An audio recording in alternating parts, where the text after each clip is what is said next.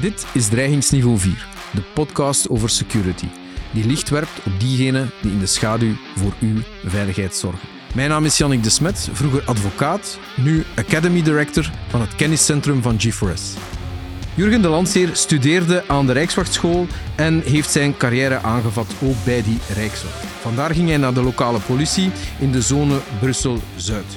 Hij maakte dan een zijsprong als adviseur en liaison bij justitie om nadien korpschef te worden in de zone Gerardsbergen-Lierde. Uiteindelijk werd hij en is hij nog steeds korpschef van de lokale politie Brussel-Zuid. Verder is hij ook president van de FBI NAA European Chapter, waar hij heel actief is en ijvert voor een internationalisering van de politie. Goedemorgen, meneer de korpschef. Um, eerst en vooral welkom in de Warande. Het is fijn u hier te hebben. Het is ook fijn dat u positief heeft geantwoord op onze vraag om hier vandaag aanwezig te zijn. Wij dragen een hart uit voor de politie. Hè. We zijn, vandaar ook uh, deze uitnodiging en we vinden het heel fijn dat u hier bent. Ja, klassiek in onze podcast bestaat uit drie delen. Een eerste deel waar we het hebben over u en over uw leven, uw carrière. Een tweede deel over een aantal onderwerpen. En het zal vandaag natuurlijk over politie en lokale politie uh, gaan. En een laatste waar we een aantal vragen stellen. Uh, ik stel voor onmiddellijk van uh, start te gaan. En dus, mag ik Jurgen zeggen? Je mocht Jurgen Ja, dankjewel. Ik voel me al veel op mijn gemak. Voilà. Jurgen, korpschef politie Zuid-Brussel uw keuze om naar de politie te gaan, was dat iets ingegeven door familie of van waar die keuze? Wat, is dat, wat heeft dat gemotiveerd? Wel, om eerlijk te zijn, zat politie niet zozeer in mijn familie. Maar het was vooral, mijn moeder had eigenlijk een uh, café in Erpenmeren. Ah, okay. Café Pax. Dus heel vredelievend. En uh, daar kwamen heel wat rijkswachters. okay. en uh, eigenlijk was dat de, de aanleiding dat daar toch wel over gesproken werd over het Rijkswachtmilieu en, en uh, het leven als Rijkswachter. En toen ik een jaar of 15 was, dacht ik van, nou, ik ga bij de Rijkswacht. Ik was er nog heel koppig in, ook in het toenmalig PMS, nu het CLB. We spreken over studiekeuze. Uh, was ik er nogal categoriek in van, uh, ja, ik ga, ik ga bij de Rijkswacht. Ja, maar op dat moment was uh, de slaagkans 7% van iedereen die probeerde. Dus uh, zei die mens van het toenmalig PMS van, ja, maar als dat niet lukt, wat ga je dan doen? Ik zei, maar ik ga bij de Rijkswacht. Ja, maar, en dan als tweede keuze. Zeg maar, er is geen tweede keuze. Ik ga bij de Rijkswacht. En gelukkig is dat ook gelukt. Maar ik zou het anders niet geweten hebben, eerlijk gezegd. Ja. Maar dus kijk, dat was de aanleiding om op het 19-jarige leeftijd al in de Rijkswachtschool te zitten. Dus je hebt de Rijkswachtschool gedaan. Dan zijn je dan een, Rijkswacht een Rijkswachter geworden eigenlijk. En hoe is dan die evolutie uh, gebeurd naar de, de positie dat u nu heeft? Uh? Ik ben eigenlijk begonnen als basiskader, als wachtmeester, maar wel onmiddellijk examens meegedaan om door te groeien naar keuronderofficier, opperwachtmeester. En elke keer, moet ik zeggen, in, in de loop van mijn carrière, zag ik wat dat de mensen boven mij deden en dacht ik van, ah, eigenlijk is dat ook wel interessant.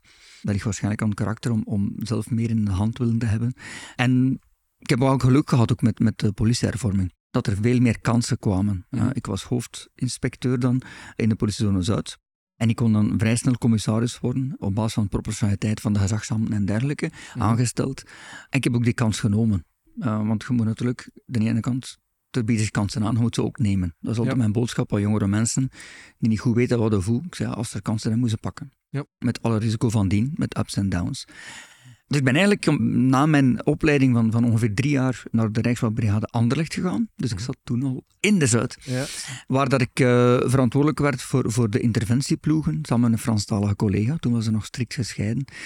En we werden dan bij de politiehervorming volledig opgeslorpt door de politiezone Zuid. Okay. Bij de politiezone Zuid ja, mijn droom was natuurlijk dan van in die interventie te blijven, maar dat is wel misgelopen. Ik denk dat mijn uh, karakter op dat moment niet paste met de mentaliteit en de cultuur op dat ogenblik. Mm -hmm. En dan heb ik eigenlijk vrij snel gekozen om naar de wijkdienst te gaan, om weer eigenlijk mijn eigen baas te zijn. Mm -hmm. Als aangesteld commissaris. En ik had dus een eigen uh, wijkteam rond het Zuidstation. Toen al? Toen al, toen al. Alles komt terug. En dus ik was wijkdirecteur van, van de uh, wijk Zuid, met als verantwoordelijkheid eigenlijk het volledige stuk rond de Zuid, maar ook in begrip gebouwen van NMBS en dergelijke. Ja. Waardoor dat ik daar eigenlijk de basis gelegd heb van, van een um, groot aantal mensen in mijn huidige netwerk nog altijd. Okay. Mensen van de veiligheid van NMBS. Toen Hendrik van der Kimpen, die nu net vertrokken is. Uh -huh. Maar je legt daar wel een basis, zowel de hotelsector, uh, binnen de gemeente Sint-Gilles, binnen de gemeente Anderlecht, dat we ook een klein stukje hadden. Mhm. En daardoor heb ik geleerd dat netwerken deel uitmaakt van onze kansen op slagen. Ja. zowel binnen, binnen uh, de politie, denk ik, als bij andere overheden of andere firma's. En dat was heel leuk, maar ik ben dan na drie jaar um, gevraagd geweest door de directie, omdat ik toch nog vrij jong was. Hm. Ik was nog altijd maar 27 toen is mij gevraagd om diensthoofd te worden van interventiedienst. En dan interventie was het totaal anders. Een ploeg van 20 mensen, wijkagenten, die me wel heel veel bijgebracht hebben over wat, wat is nabijheidspolitie. Ja. Dat is ook wel een basis. Anderzijds, die, die interventie naar 100 mensen dat je moet aansturen, opnieuw compleet anders. Een jongere categorie. Ja. Terwijl in de wijk waren toch wel mensen met meer ervaring. En dan, moet ik eerlijk zeggen, was ik het wat beu.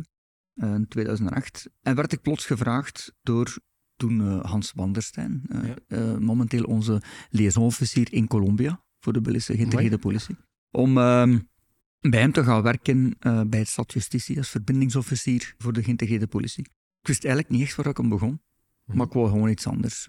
Uh, en zoals ik zeg, als er kansen komen, moeten ze grijpen. Inderdaad. Zeer leuke ervaring, contact met de politiek. Ik ben er vijf jaar gebleven, drie ministers. Dus van verschillende partijen, wat ook maakt dat je geen etiket krijgt, enkel politiek. Um, maar dat je vooral gedurende vijf jaar echt kan werken in drie verschillende kabinetten, verschillende dossiers. Ik werd niet enkel gebruikt om, om de politiedossiers te doen, maar eigenlijk alles wat dat in de brede scoop zat van uh, veiligheid. Oké.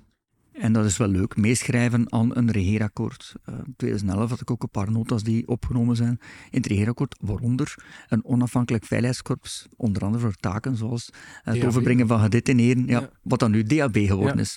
dus wij stonden onrechtstreeks aan de wieg, met natuurlijk wel een paar open vragen van waar moet dat geplaatst zijn. Organisatorisch. Moet dat, bij justitie, moet dat bij, bij de politie. En dat stond nog open, werd op dat moment niet ingevuld, maar we mhm. hebben dan gezien, kijk, na verloop van tijd wordt het dan toch opgenomen en, en worden ook die, die laatste vragen ingevuld. Oké. Dus uw impact, en uh, dat is iets wat ik dikwijls meegeef als mensen me vragen, ik wil iets anders in mijn carrière, wat zou je mij aanraden? En als ik denk dat die mensen een profiel hebben, zeg ik, ga op een kabinet werken. Ja. Om de werking van politiek te leren kennen, wat toch wel belangrijk is, mm want op het moment dat je leiding heeft in een publieke functie, je moet je weten van die overheden, hoe werkt dat? Ja. Ik geef eerlijk toe, ik, ik wist niet hoe dat in elkaar zat. Ja, mhm. je kent de basis. Uh, hoe dat een wet geschreven wordt, hoe dat die gestemd wordt en dan de KB's. Maar als je die zelf als je daar zelf moet, mee, mee, mee, aan de slag moet, of nalezen en aanvullingen doen om de werking van uw organisatie die je vertegenwoordigt, zijn de politie, te helpen verbeteren, ja, dan wordt het toch wel iets ingewikkelder. Ja, wat interessant is, omdat je dat nu zegt, uh, we hebben hier ook Mark Kools over de vloer gehad. En die zei, ja, de wetten worden geschreven door specialisten. Dat zijn racepaarden. En dan gaan ze naar het interkabinetair overleg. En dan worden het eigenlijk uh, ezels. Hè. Dus het is, het is een, ik denk inderdaad dat het een goede ervaring is om op die kabinetten te zitten. Als je nu terugkijkt in je huidige functie, hè, je hebt heel hard ook aan de basis gezeten van mm politiewerk eigenlijk. Helpt dat u nu? Ja, zeker aan vast. Kunnen we daar een aantal voorbeelden van geven waarin dat je zegt, ja, ik weet wel waarover het gaat, dus... Wel, een, van de voorbeelden is van het uitleggen hoe dat een, een politiecontrole in zijn werk gaat. We krijgen heel wat reacties en vragen en dikwijls ook verwijten over hoe dat politiecontroles uitvoert. Als je dat nooit zelf gedaan hebt, en dan bedoel ik vooral het in de stress staan van een controle.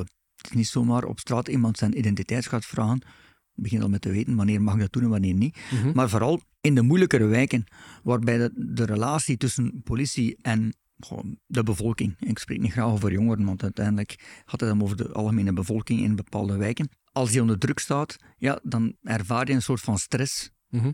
En wordt uw werk bekeken, en zeker nu nog meer met camera's en dergelijke, over hoe dat je dat doet. En dan krijg je die druk en daar moet je kunnen mee omgaan. Mhm.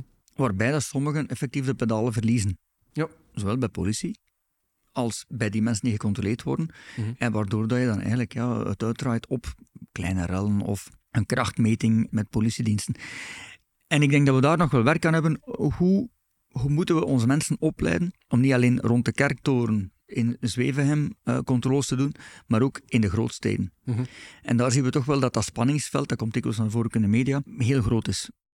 Om het even over die, want dat is een heel interessant onderwerp, om het even over die spanningsvelden te hebben. Hè. Sommigen zeggen dat, um, dat de politie hè, een aantal maatschappelijke problemen die, uh, die door anderen zijn gecreëerd moet oplossen. Hè? Mm. en dat dat niet altijd even fair is. Hè. Men denkt dan aan ja, een asielkwestie, zeker in grootsteden, hè, waar in België er soms iets te weinig spreiding is misschien.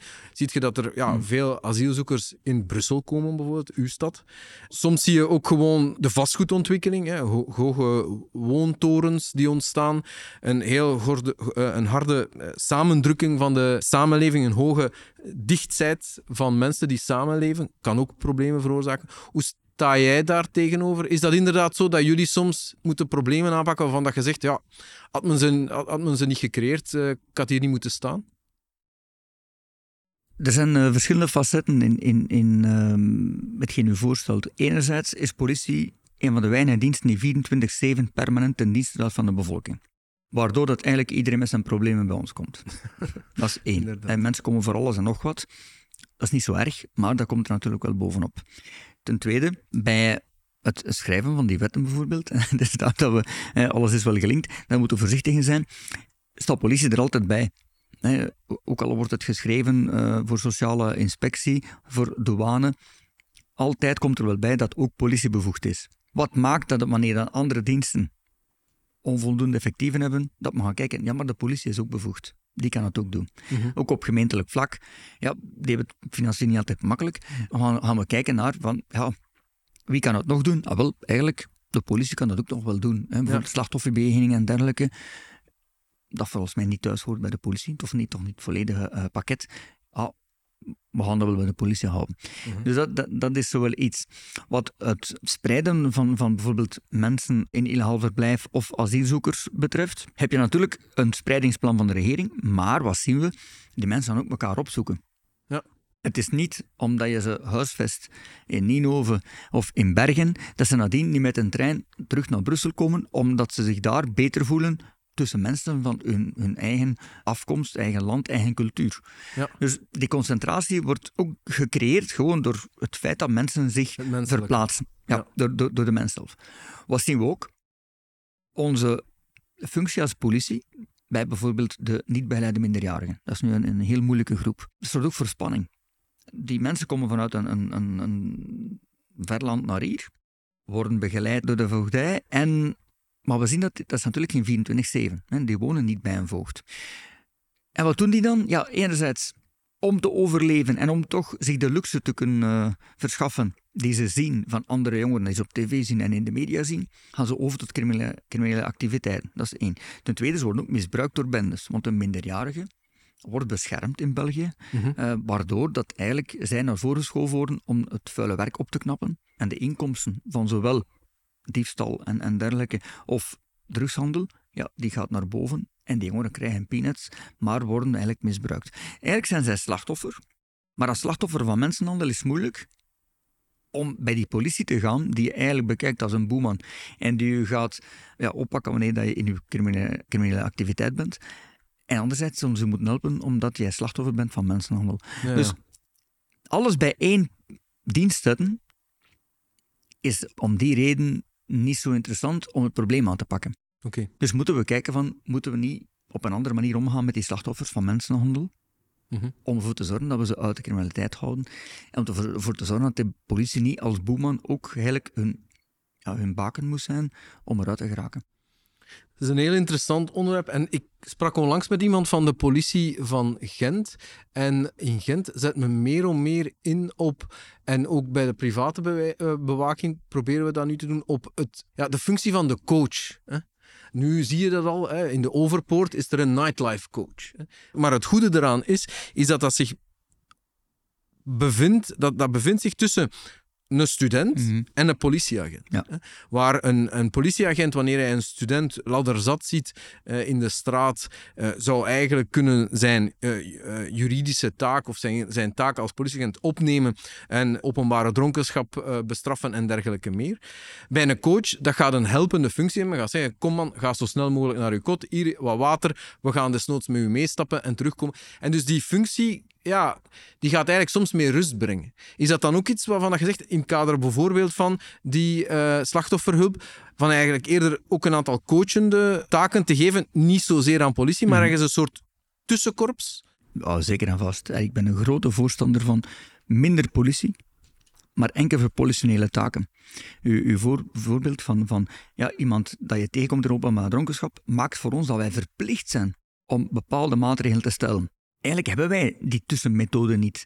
Want we hebben het risico als we zeggen van ja, we gaan dat hier oplossen in der minne en we gaan die jongen terug naar zijn kot brengen en een beetje water geven en nadien keert hem toch terug en Is er iets? veroorzaakt een ongeval of er gebeurt iets medisch, gaan wij altijd met de vinger gewezen worden, want ah, maar nee, je had moeten dat, dat en dat doen.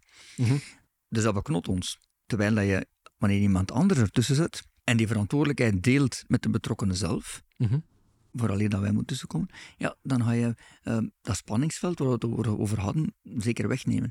We zien nu dat we met de jeugdopbouwwerkers, hè, die, die toch ook wel een heel belangrijke functie hebben in de moeilijkere wijken, lukt het heel moeilijk.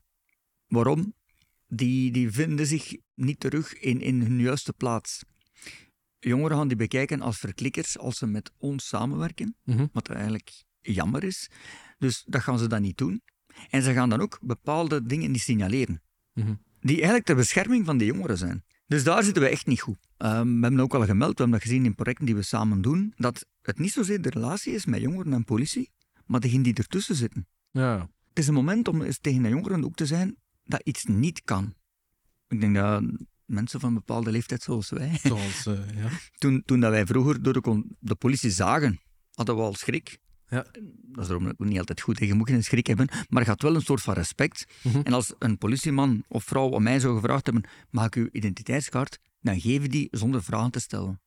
Ja. Waarbij dat je nu in een dialoog moet gaan, terwijl dat, als wij ons werk correct doen, vanuit de politie en vanuit de veiligheidssector, want het gaat daar ook over, als ik naar een festival ga en de mensen vragen mij voor mijn zak open te doen en om te laten zien wat ik mee heb, of ze vragen mij om mijn ticket te tonen, op een, dan doe ik dat gewoon.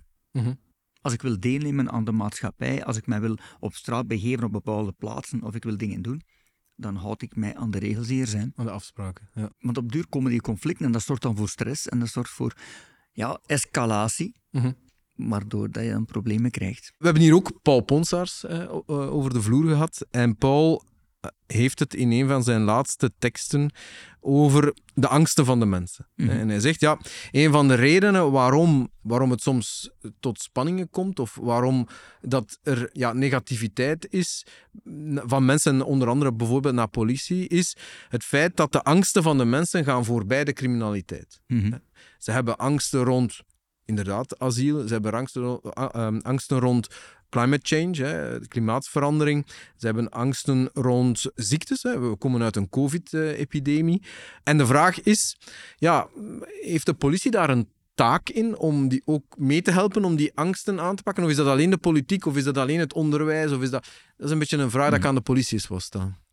We hebben eh, zeker een belangrijke taak in het kader van het transparant communiceren van de veiligheidssituatie. En ik gebruik specifiek veiligheidssituatie. We hebben op basis van de statistieken nog nooit in een veiligere eh, samenleving geleefd dan momenteel. En toch is het onveiligheidsgevoel bijna nog nooit zo hoog geweest. Mhm.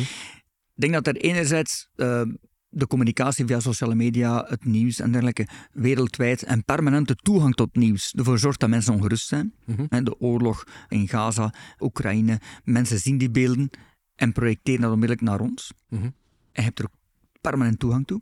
En anderzijds, en dat is wa- waar wij iets kunnen aan doen, is de criminaliteitsfenomenen die nu zichtbaar zijn, dat we die ook gaan beter uitleggen en zeggen wat we doen. Mensen lezen zoveel ton cocaïne opge- eh, gevonden, zoveel eh, wapens gevonden.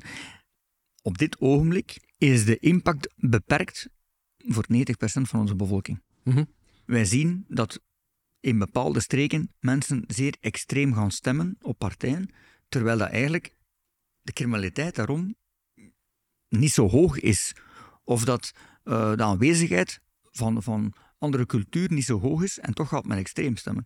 Wat dat toch wel raar is. Mhm. En dan moet je gaan kijken, wat zit er nu eh, aan de basis waarom dat mensen het gevoel hebben dat ondanks het feit dat ze in een veilige omgeving wonen, Mhm. toch zich onveilig voelen. Wij hebben er zeker een taak in. Wij moeten werken aan preventie, niet alleen politie, maar ook die preventiediensten. En vooral het communiceren van hoeveel zaken zijn er nu? Mhm. En hoe zit dat in elkaar? Wij zien dat er in België toch wel heel wat moorden zijn. Hè? En dan gaan mensen zeggen, maar zoveel moorden in België. Ja, maar in welke sfeer gebeuren die? Mhm. We zien jammer genoeg dat dat heel vaak is in de familiale sfeer. Mhm. In 95% van eh Weg van gevallen- criminaliteit. Weg van criminaliteit. Ja. Gewoon sociale spanningen, problemen in gezin. En we moeten daar zeker aan werken. Dat is, voor mij is dat prioritair. Maar dat geeft geen impact op uw of mijn leven wanneer er een moord gebeurt in een familiale situatie. Mhm. Hoe erg dat die ook is. En, en dat we dat moeten proberen aan te pakken. Wij doen dat ook. Hè. Wij hebben eh, onder andere dat is naast mijn huidige functie als korpschef, eh, werk ik ook voornamelijk internationaal eh, via de FBI National Academy Associates. We hebben een congres georganiseerd voor meer dan 300 mensen over intrafamiliaal en seksueel geweld. En dat is ook aan bod gekomen. Mhm. En dat is in 95% van de gevallen kent het slachtoffer zijn of haar dader. Mhm. Dus het is niet zozeer dat u of ik gaan slachtoffer worden op straat van een crimineel feit. Nee, het is iets dat gegroeid is omwille van een bepaalde situatie, een bepaald gezin. Dus we moeten daar voornamelijk op werken.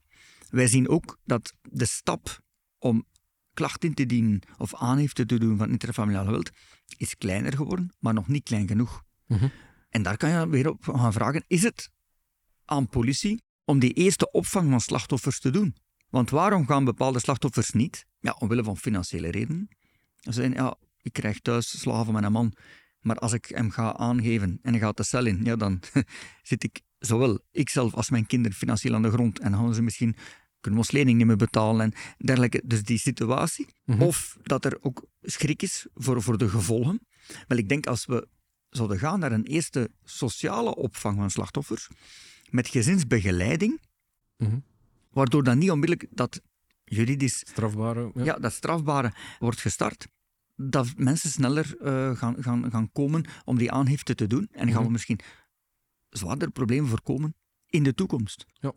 Je had het er daarnet over internationalisering. Hè. Je bent iemand die daar echt wel eh, vooruit in loopt. Hè. Ehm, de samenwerking met de FBI. Mhm. Kan je misschien daaromtrent nog iets zeggen? Hoe leren jullie echt dingen uit die samenwerking? Zijn er dingen die wij kunnen opsteken uit wat men in de US of, of ergens anders doet? Ik vind dat heel belangrijk, internationalisering. En niet enkel voor federale politie, maar ook voor lokale politie. Er zijn heel wat projecten die, die internationaal lopen met betrekking tot relaties, maatschappij, politie. Hoe doen we aan trustbuilding? Een van de grootste problemen is het gebrek aan vertrouwen tussen politie, veiligheidsdiensten, overheid en, en de bevolking.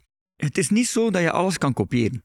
Ik heb voorbeelden gezien in Colombia waarvan dat je denkt van, ja, super, voor Colombia. Dat kunnen we in België niet doen. Mhm. Ze hebben bijvoorbeeld een, eh, een soort van koor dat gaat zingen in afgelegen gebieden en dat de traditionele dansen kent. en zo de link legt met een bevolking die analfabeet is, die weg woont van eigenlijk de, de, de, de moderne maatschappij. Ja. Maar ik vind dat wel een goed idee. Dus je kan dat niet kopiëren, maar je kan wel out of the box beginnen te denken van wat kunnen wij dan doen? Mhm. Ja, want zij hebben gezegd van kijk, hoe kunnen wij die mensen bereiken? Hoe kunnen we het vertrouwen winnen? Wel, op die manier. Omdat dat belangrijk is voor hen. Moeten wij kijken wat is er belangrijk voor ons in de wijken. En dat helpt. Ehm, het, eh, hetzelfde met, met eh, de US. Ik ben al verschillende keren gaan, gaan, gaan eh, samenwerken en, en opleidingen volgen. Ik vind eigenlijk dat wij als Belgen te weinig fier zijn op wat dat we doen. Mhm, Dat ook. Ik heb heel wat gemerkt dat eh, bepaalde projecten die wij doen en, en ehm, processen die wij eh, ontwikkeld hebben, dat die zeer goed zijn. Wij kijken altijd, heel wat collega's kijken naar Nederland als gidsland. En dan denk ik van, hmm, als je een keer kijkt achter eigenlijk de schermen, het is ook heel wat window dressing. Mhm. En wij doen dat eigenlijk veel beter. Binnen onze maatschappij. Ik zeg niet, Ja, ik ga, ik ga niemand eh, daar- daarin slecht maken hoe dat ze het doen. Maar ik zie vooral dat wij het eigenlijk wel goed doen. Mhm. En dat wordt te weinig benadrukt, te weinig naar voren gebracht en te weinig gecommuniceerd. Ja. Dat hangt weer samen met dat onveiligheidsgevoel. Als mensen horen dat wij gaan kijken naar andere landen om dingen te kopiëren, gaan ze ha, bij ons kunnen ze het niet. ja. Nee, eigenlijk doen we het wel goed. Ja. Maar we communiceren zeer weinig over dingen die we goed doen en veel te veel over problemen die er misschien niet moeten zijn en die we misschien op een ander niveau moeten eh, oplossen. Zoals u zei, ja, bepaalde dingen moeten bij ons niet komen. Een heel ander voorbeeld. Ordehandhaving bij voetbal. Ik heb eh, gelukkig eh, twee voetbalploegen die het goed doen. Ja. Ongelukkig is dat voor mijn eh, capaciteit op het terrein, maar bon. wanneer er een nieuw stadion zou gebouwd worden, hè, dat is een Ja. hangend dossier, wel, betrek ons zo snel mogelijk. Mhm. Zodoende dat wij ons een insteek kunnen geven en problemen achteraf voorkomen. Good practices van hoe kunnen we die supporters op een veilige manier in dat stadion krijgen, hoe kunnen we die scheiden van elkaar om het nadien te voorkomen. Dus dat zijn van die kleine dingen. Betrek veiligheid en politie, want uiteindelijk is het niet alleen ons, je kunt ook specialisten vanuit de private sector gaan, gaan betrekken in uw ontwerp van uw stadion. Ja. En dikwijls gebeurt dat heel laat. Te laat. Ja, en dan is het probleem oplossen en dan kost het veel meer en dan wordt het niet meer gedaan omwille van ja, financiële redenen. Nu, ik ben blij, in de zoektocht naar een oplossing voor Union worden wij snel betrokken, dankzij, en dan gaat het over partnerschappen, dankzij het feit dat wij al jaren partner zijn en zeer open communiceren met de mensen van zowel Union als Anderlecht, maar ze doen dat die stap om naar ons te komen veel kleiner was. En hoe, hoe ziet u dan de toekomst eigenlijk van de politie? Eh, we hadden Steven de Smet eh, over de vloer. Hè. Ehm, en hij heeft daar ook een visie. Hij schrijft daar boeken over. Maar goed, hij is al niet meer, hij is niet meer actief. Hè. Maar ik zou je graag de vraag willen stellen aan iemand die nog dagelijks met zijn voeten in, eh, in het politiewerk staat. Voor de toekomst moeten we op verschillende assen werken. En dat is eerst en vooral keuzes maken. Waar gaan we naartoe? Ik heb eh, actief eh, deelgenomen aan de Staten-Generaal Politie, wat dat, trouwens een super initiatief was. Maar dat wordt natuurlijk, als je dat dan breed uitwerkt, heel log. Maar dat is niet erg. Hè? De ideeën staan in, de, in het boek Staten-Generaal. Dus dat was een zeer goed initiatief van de minister. Je hebt keuzes te maken van waar ik met mijn politie naartoe. Mijn idee is dat we moeten gaan voor minder politie, maar kwalitatief sterkere politie. Natuurlijk, dan hè, ga je zeggen, ja, maar wie gaat het dan doen? Ja. Wel, ik denk dat er voldoende partners zijn, zowel binnen privé als binnen de overheid, binnen gemeentelijke diensten, die bepaalde taken zeer goed kunnen doen en beter doen dan de politie. Mhm.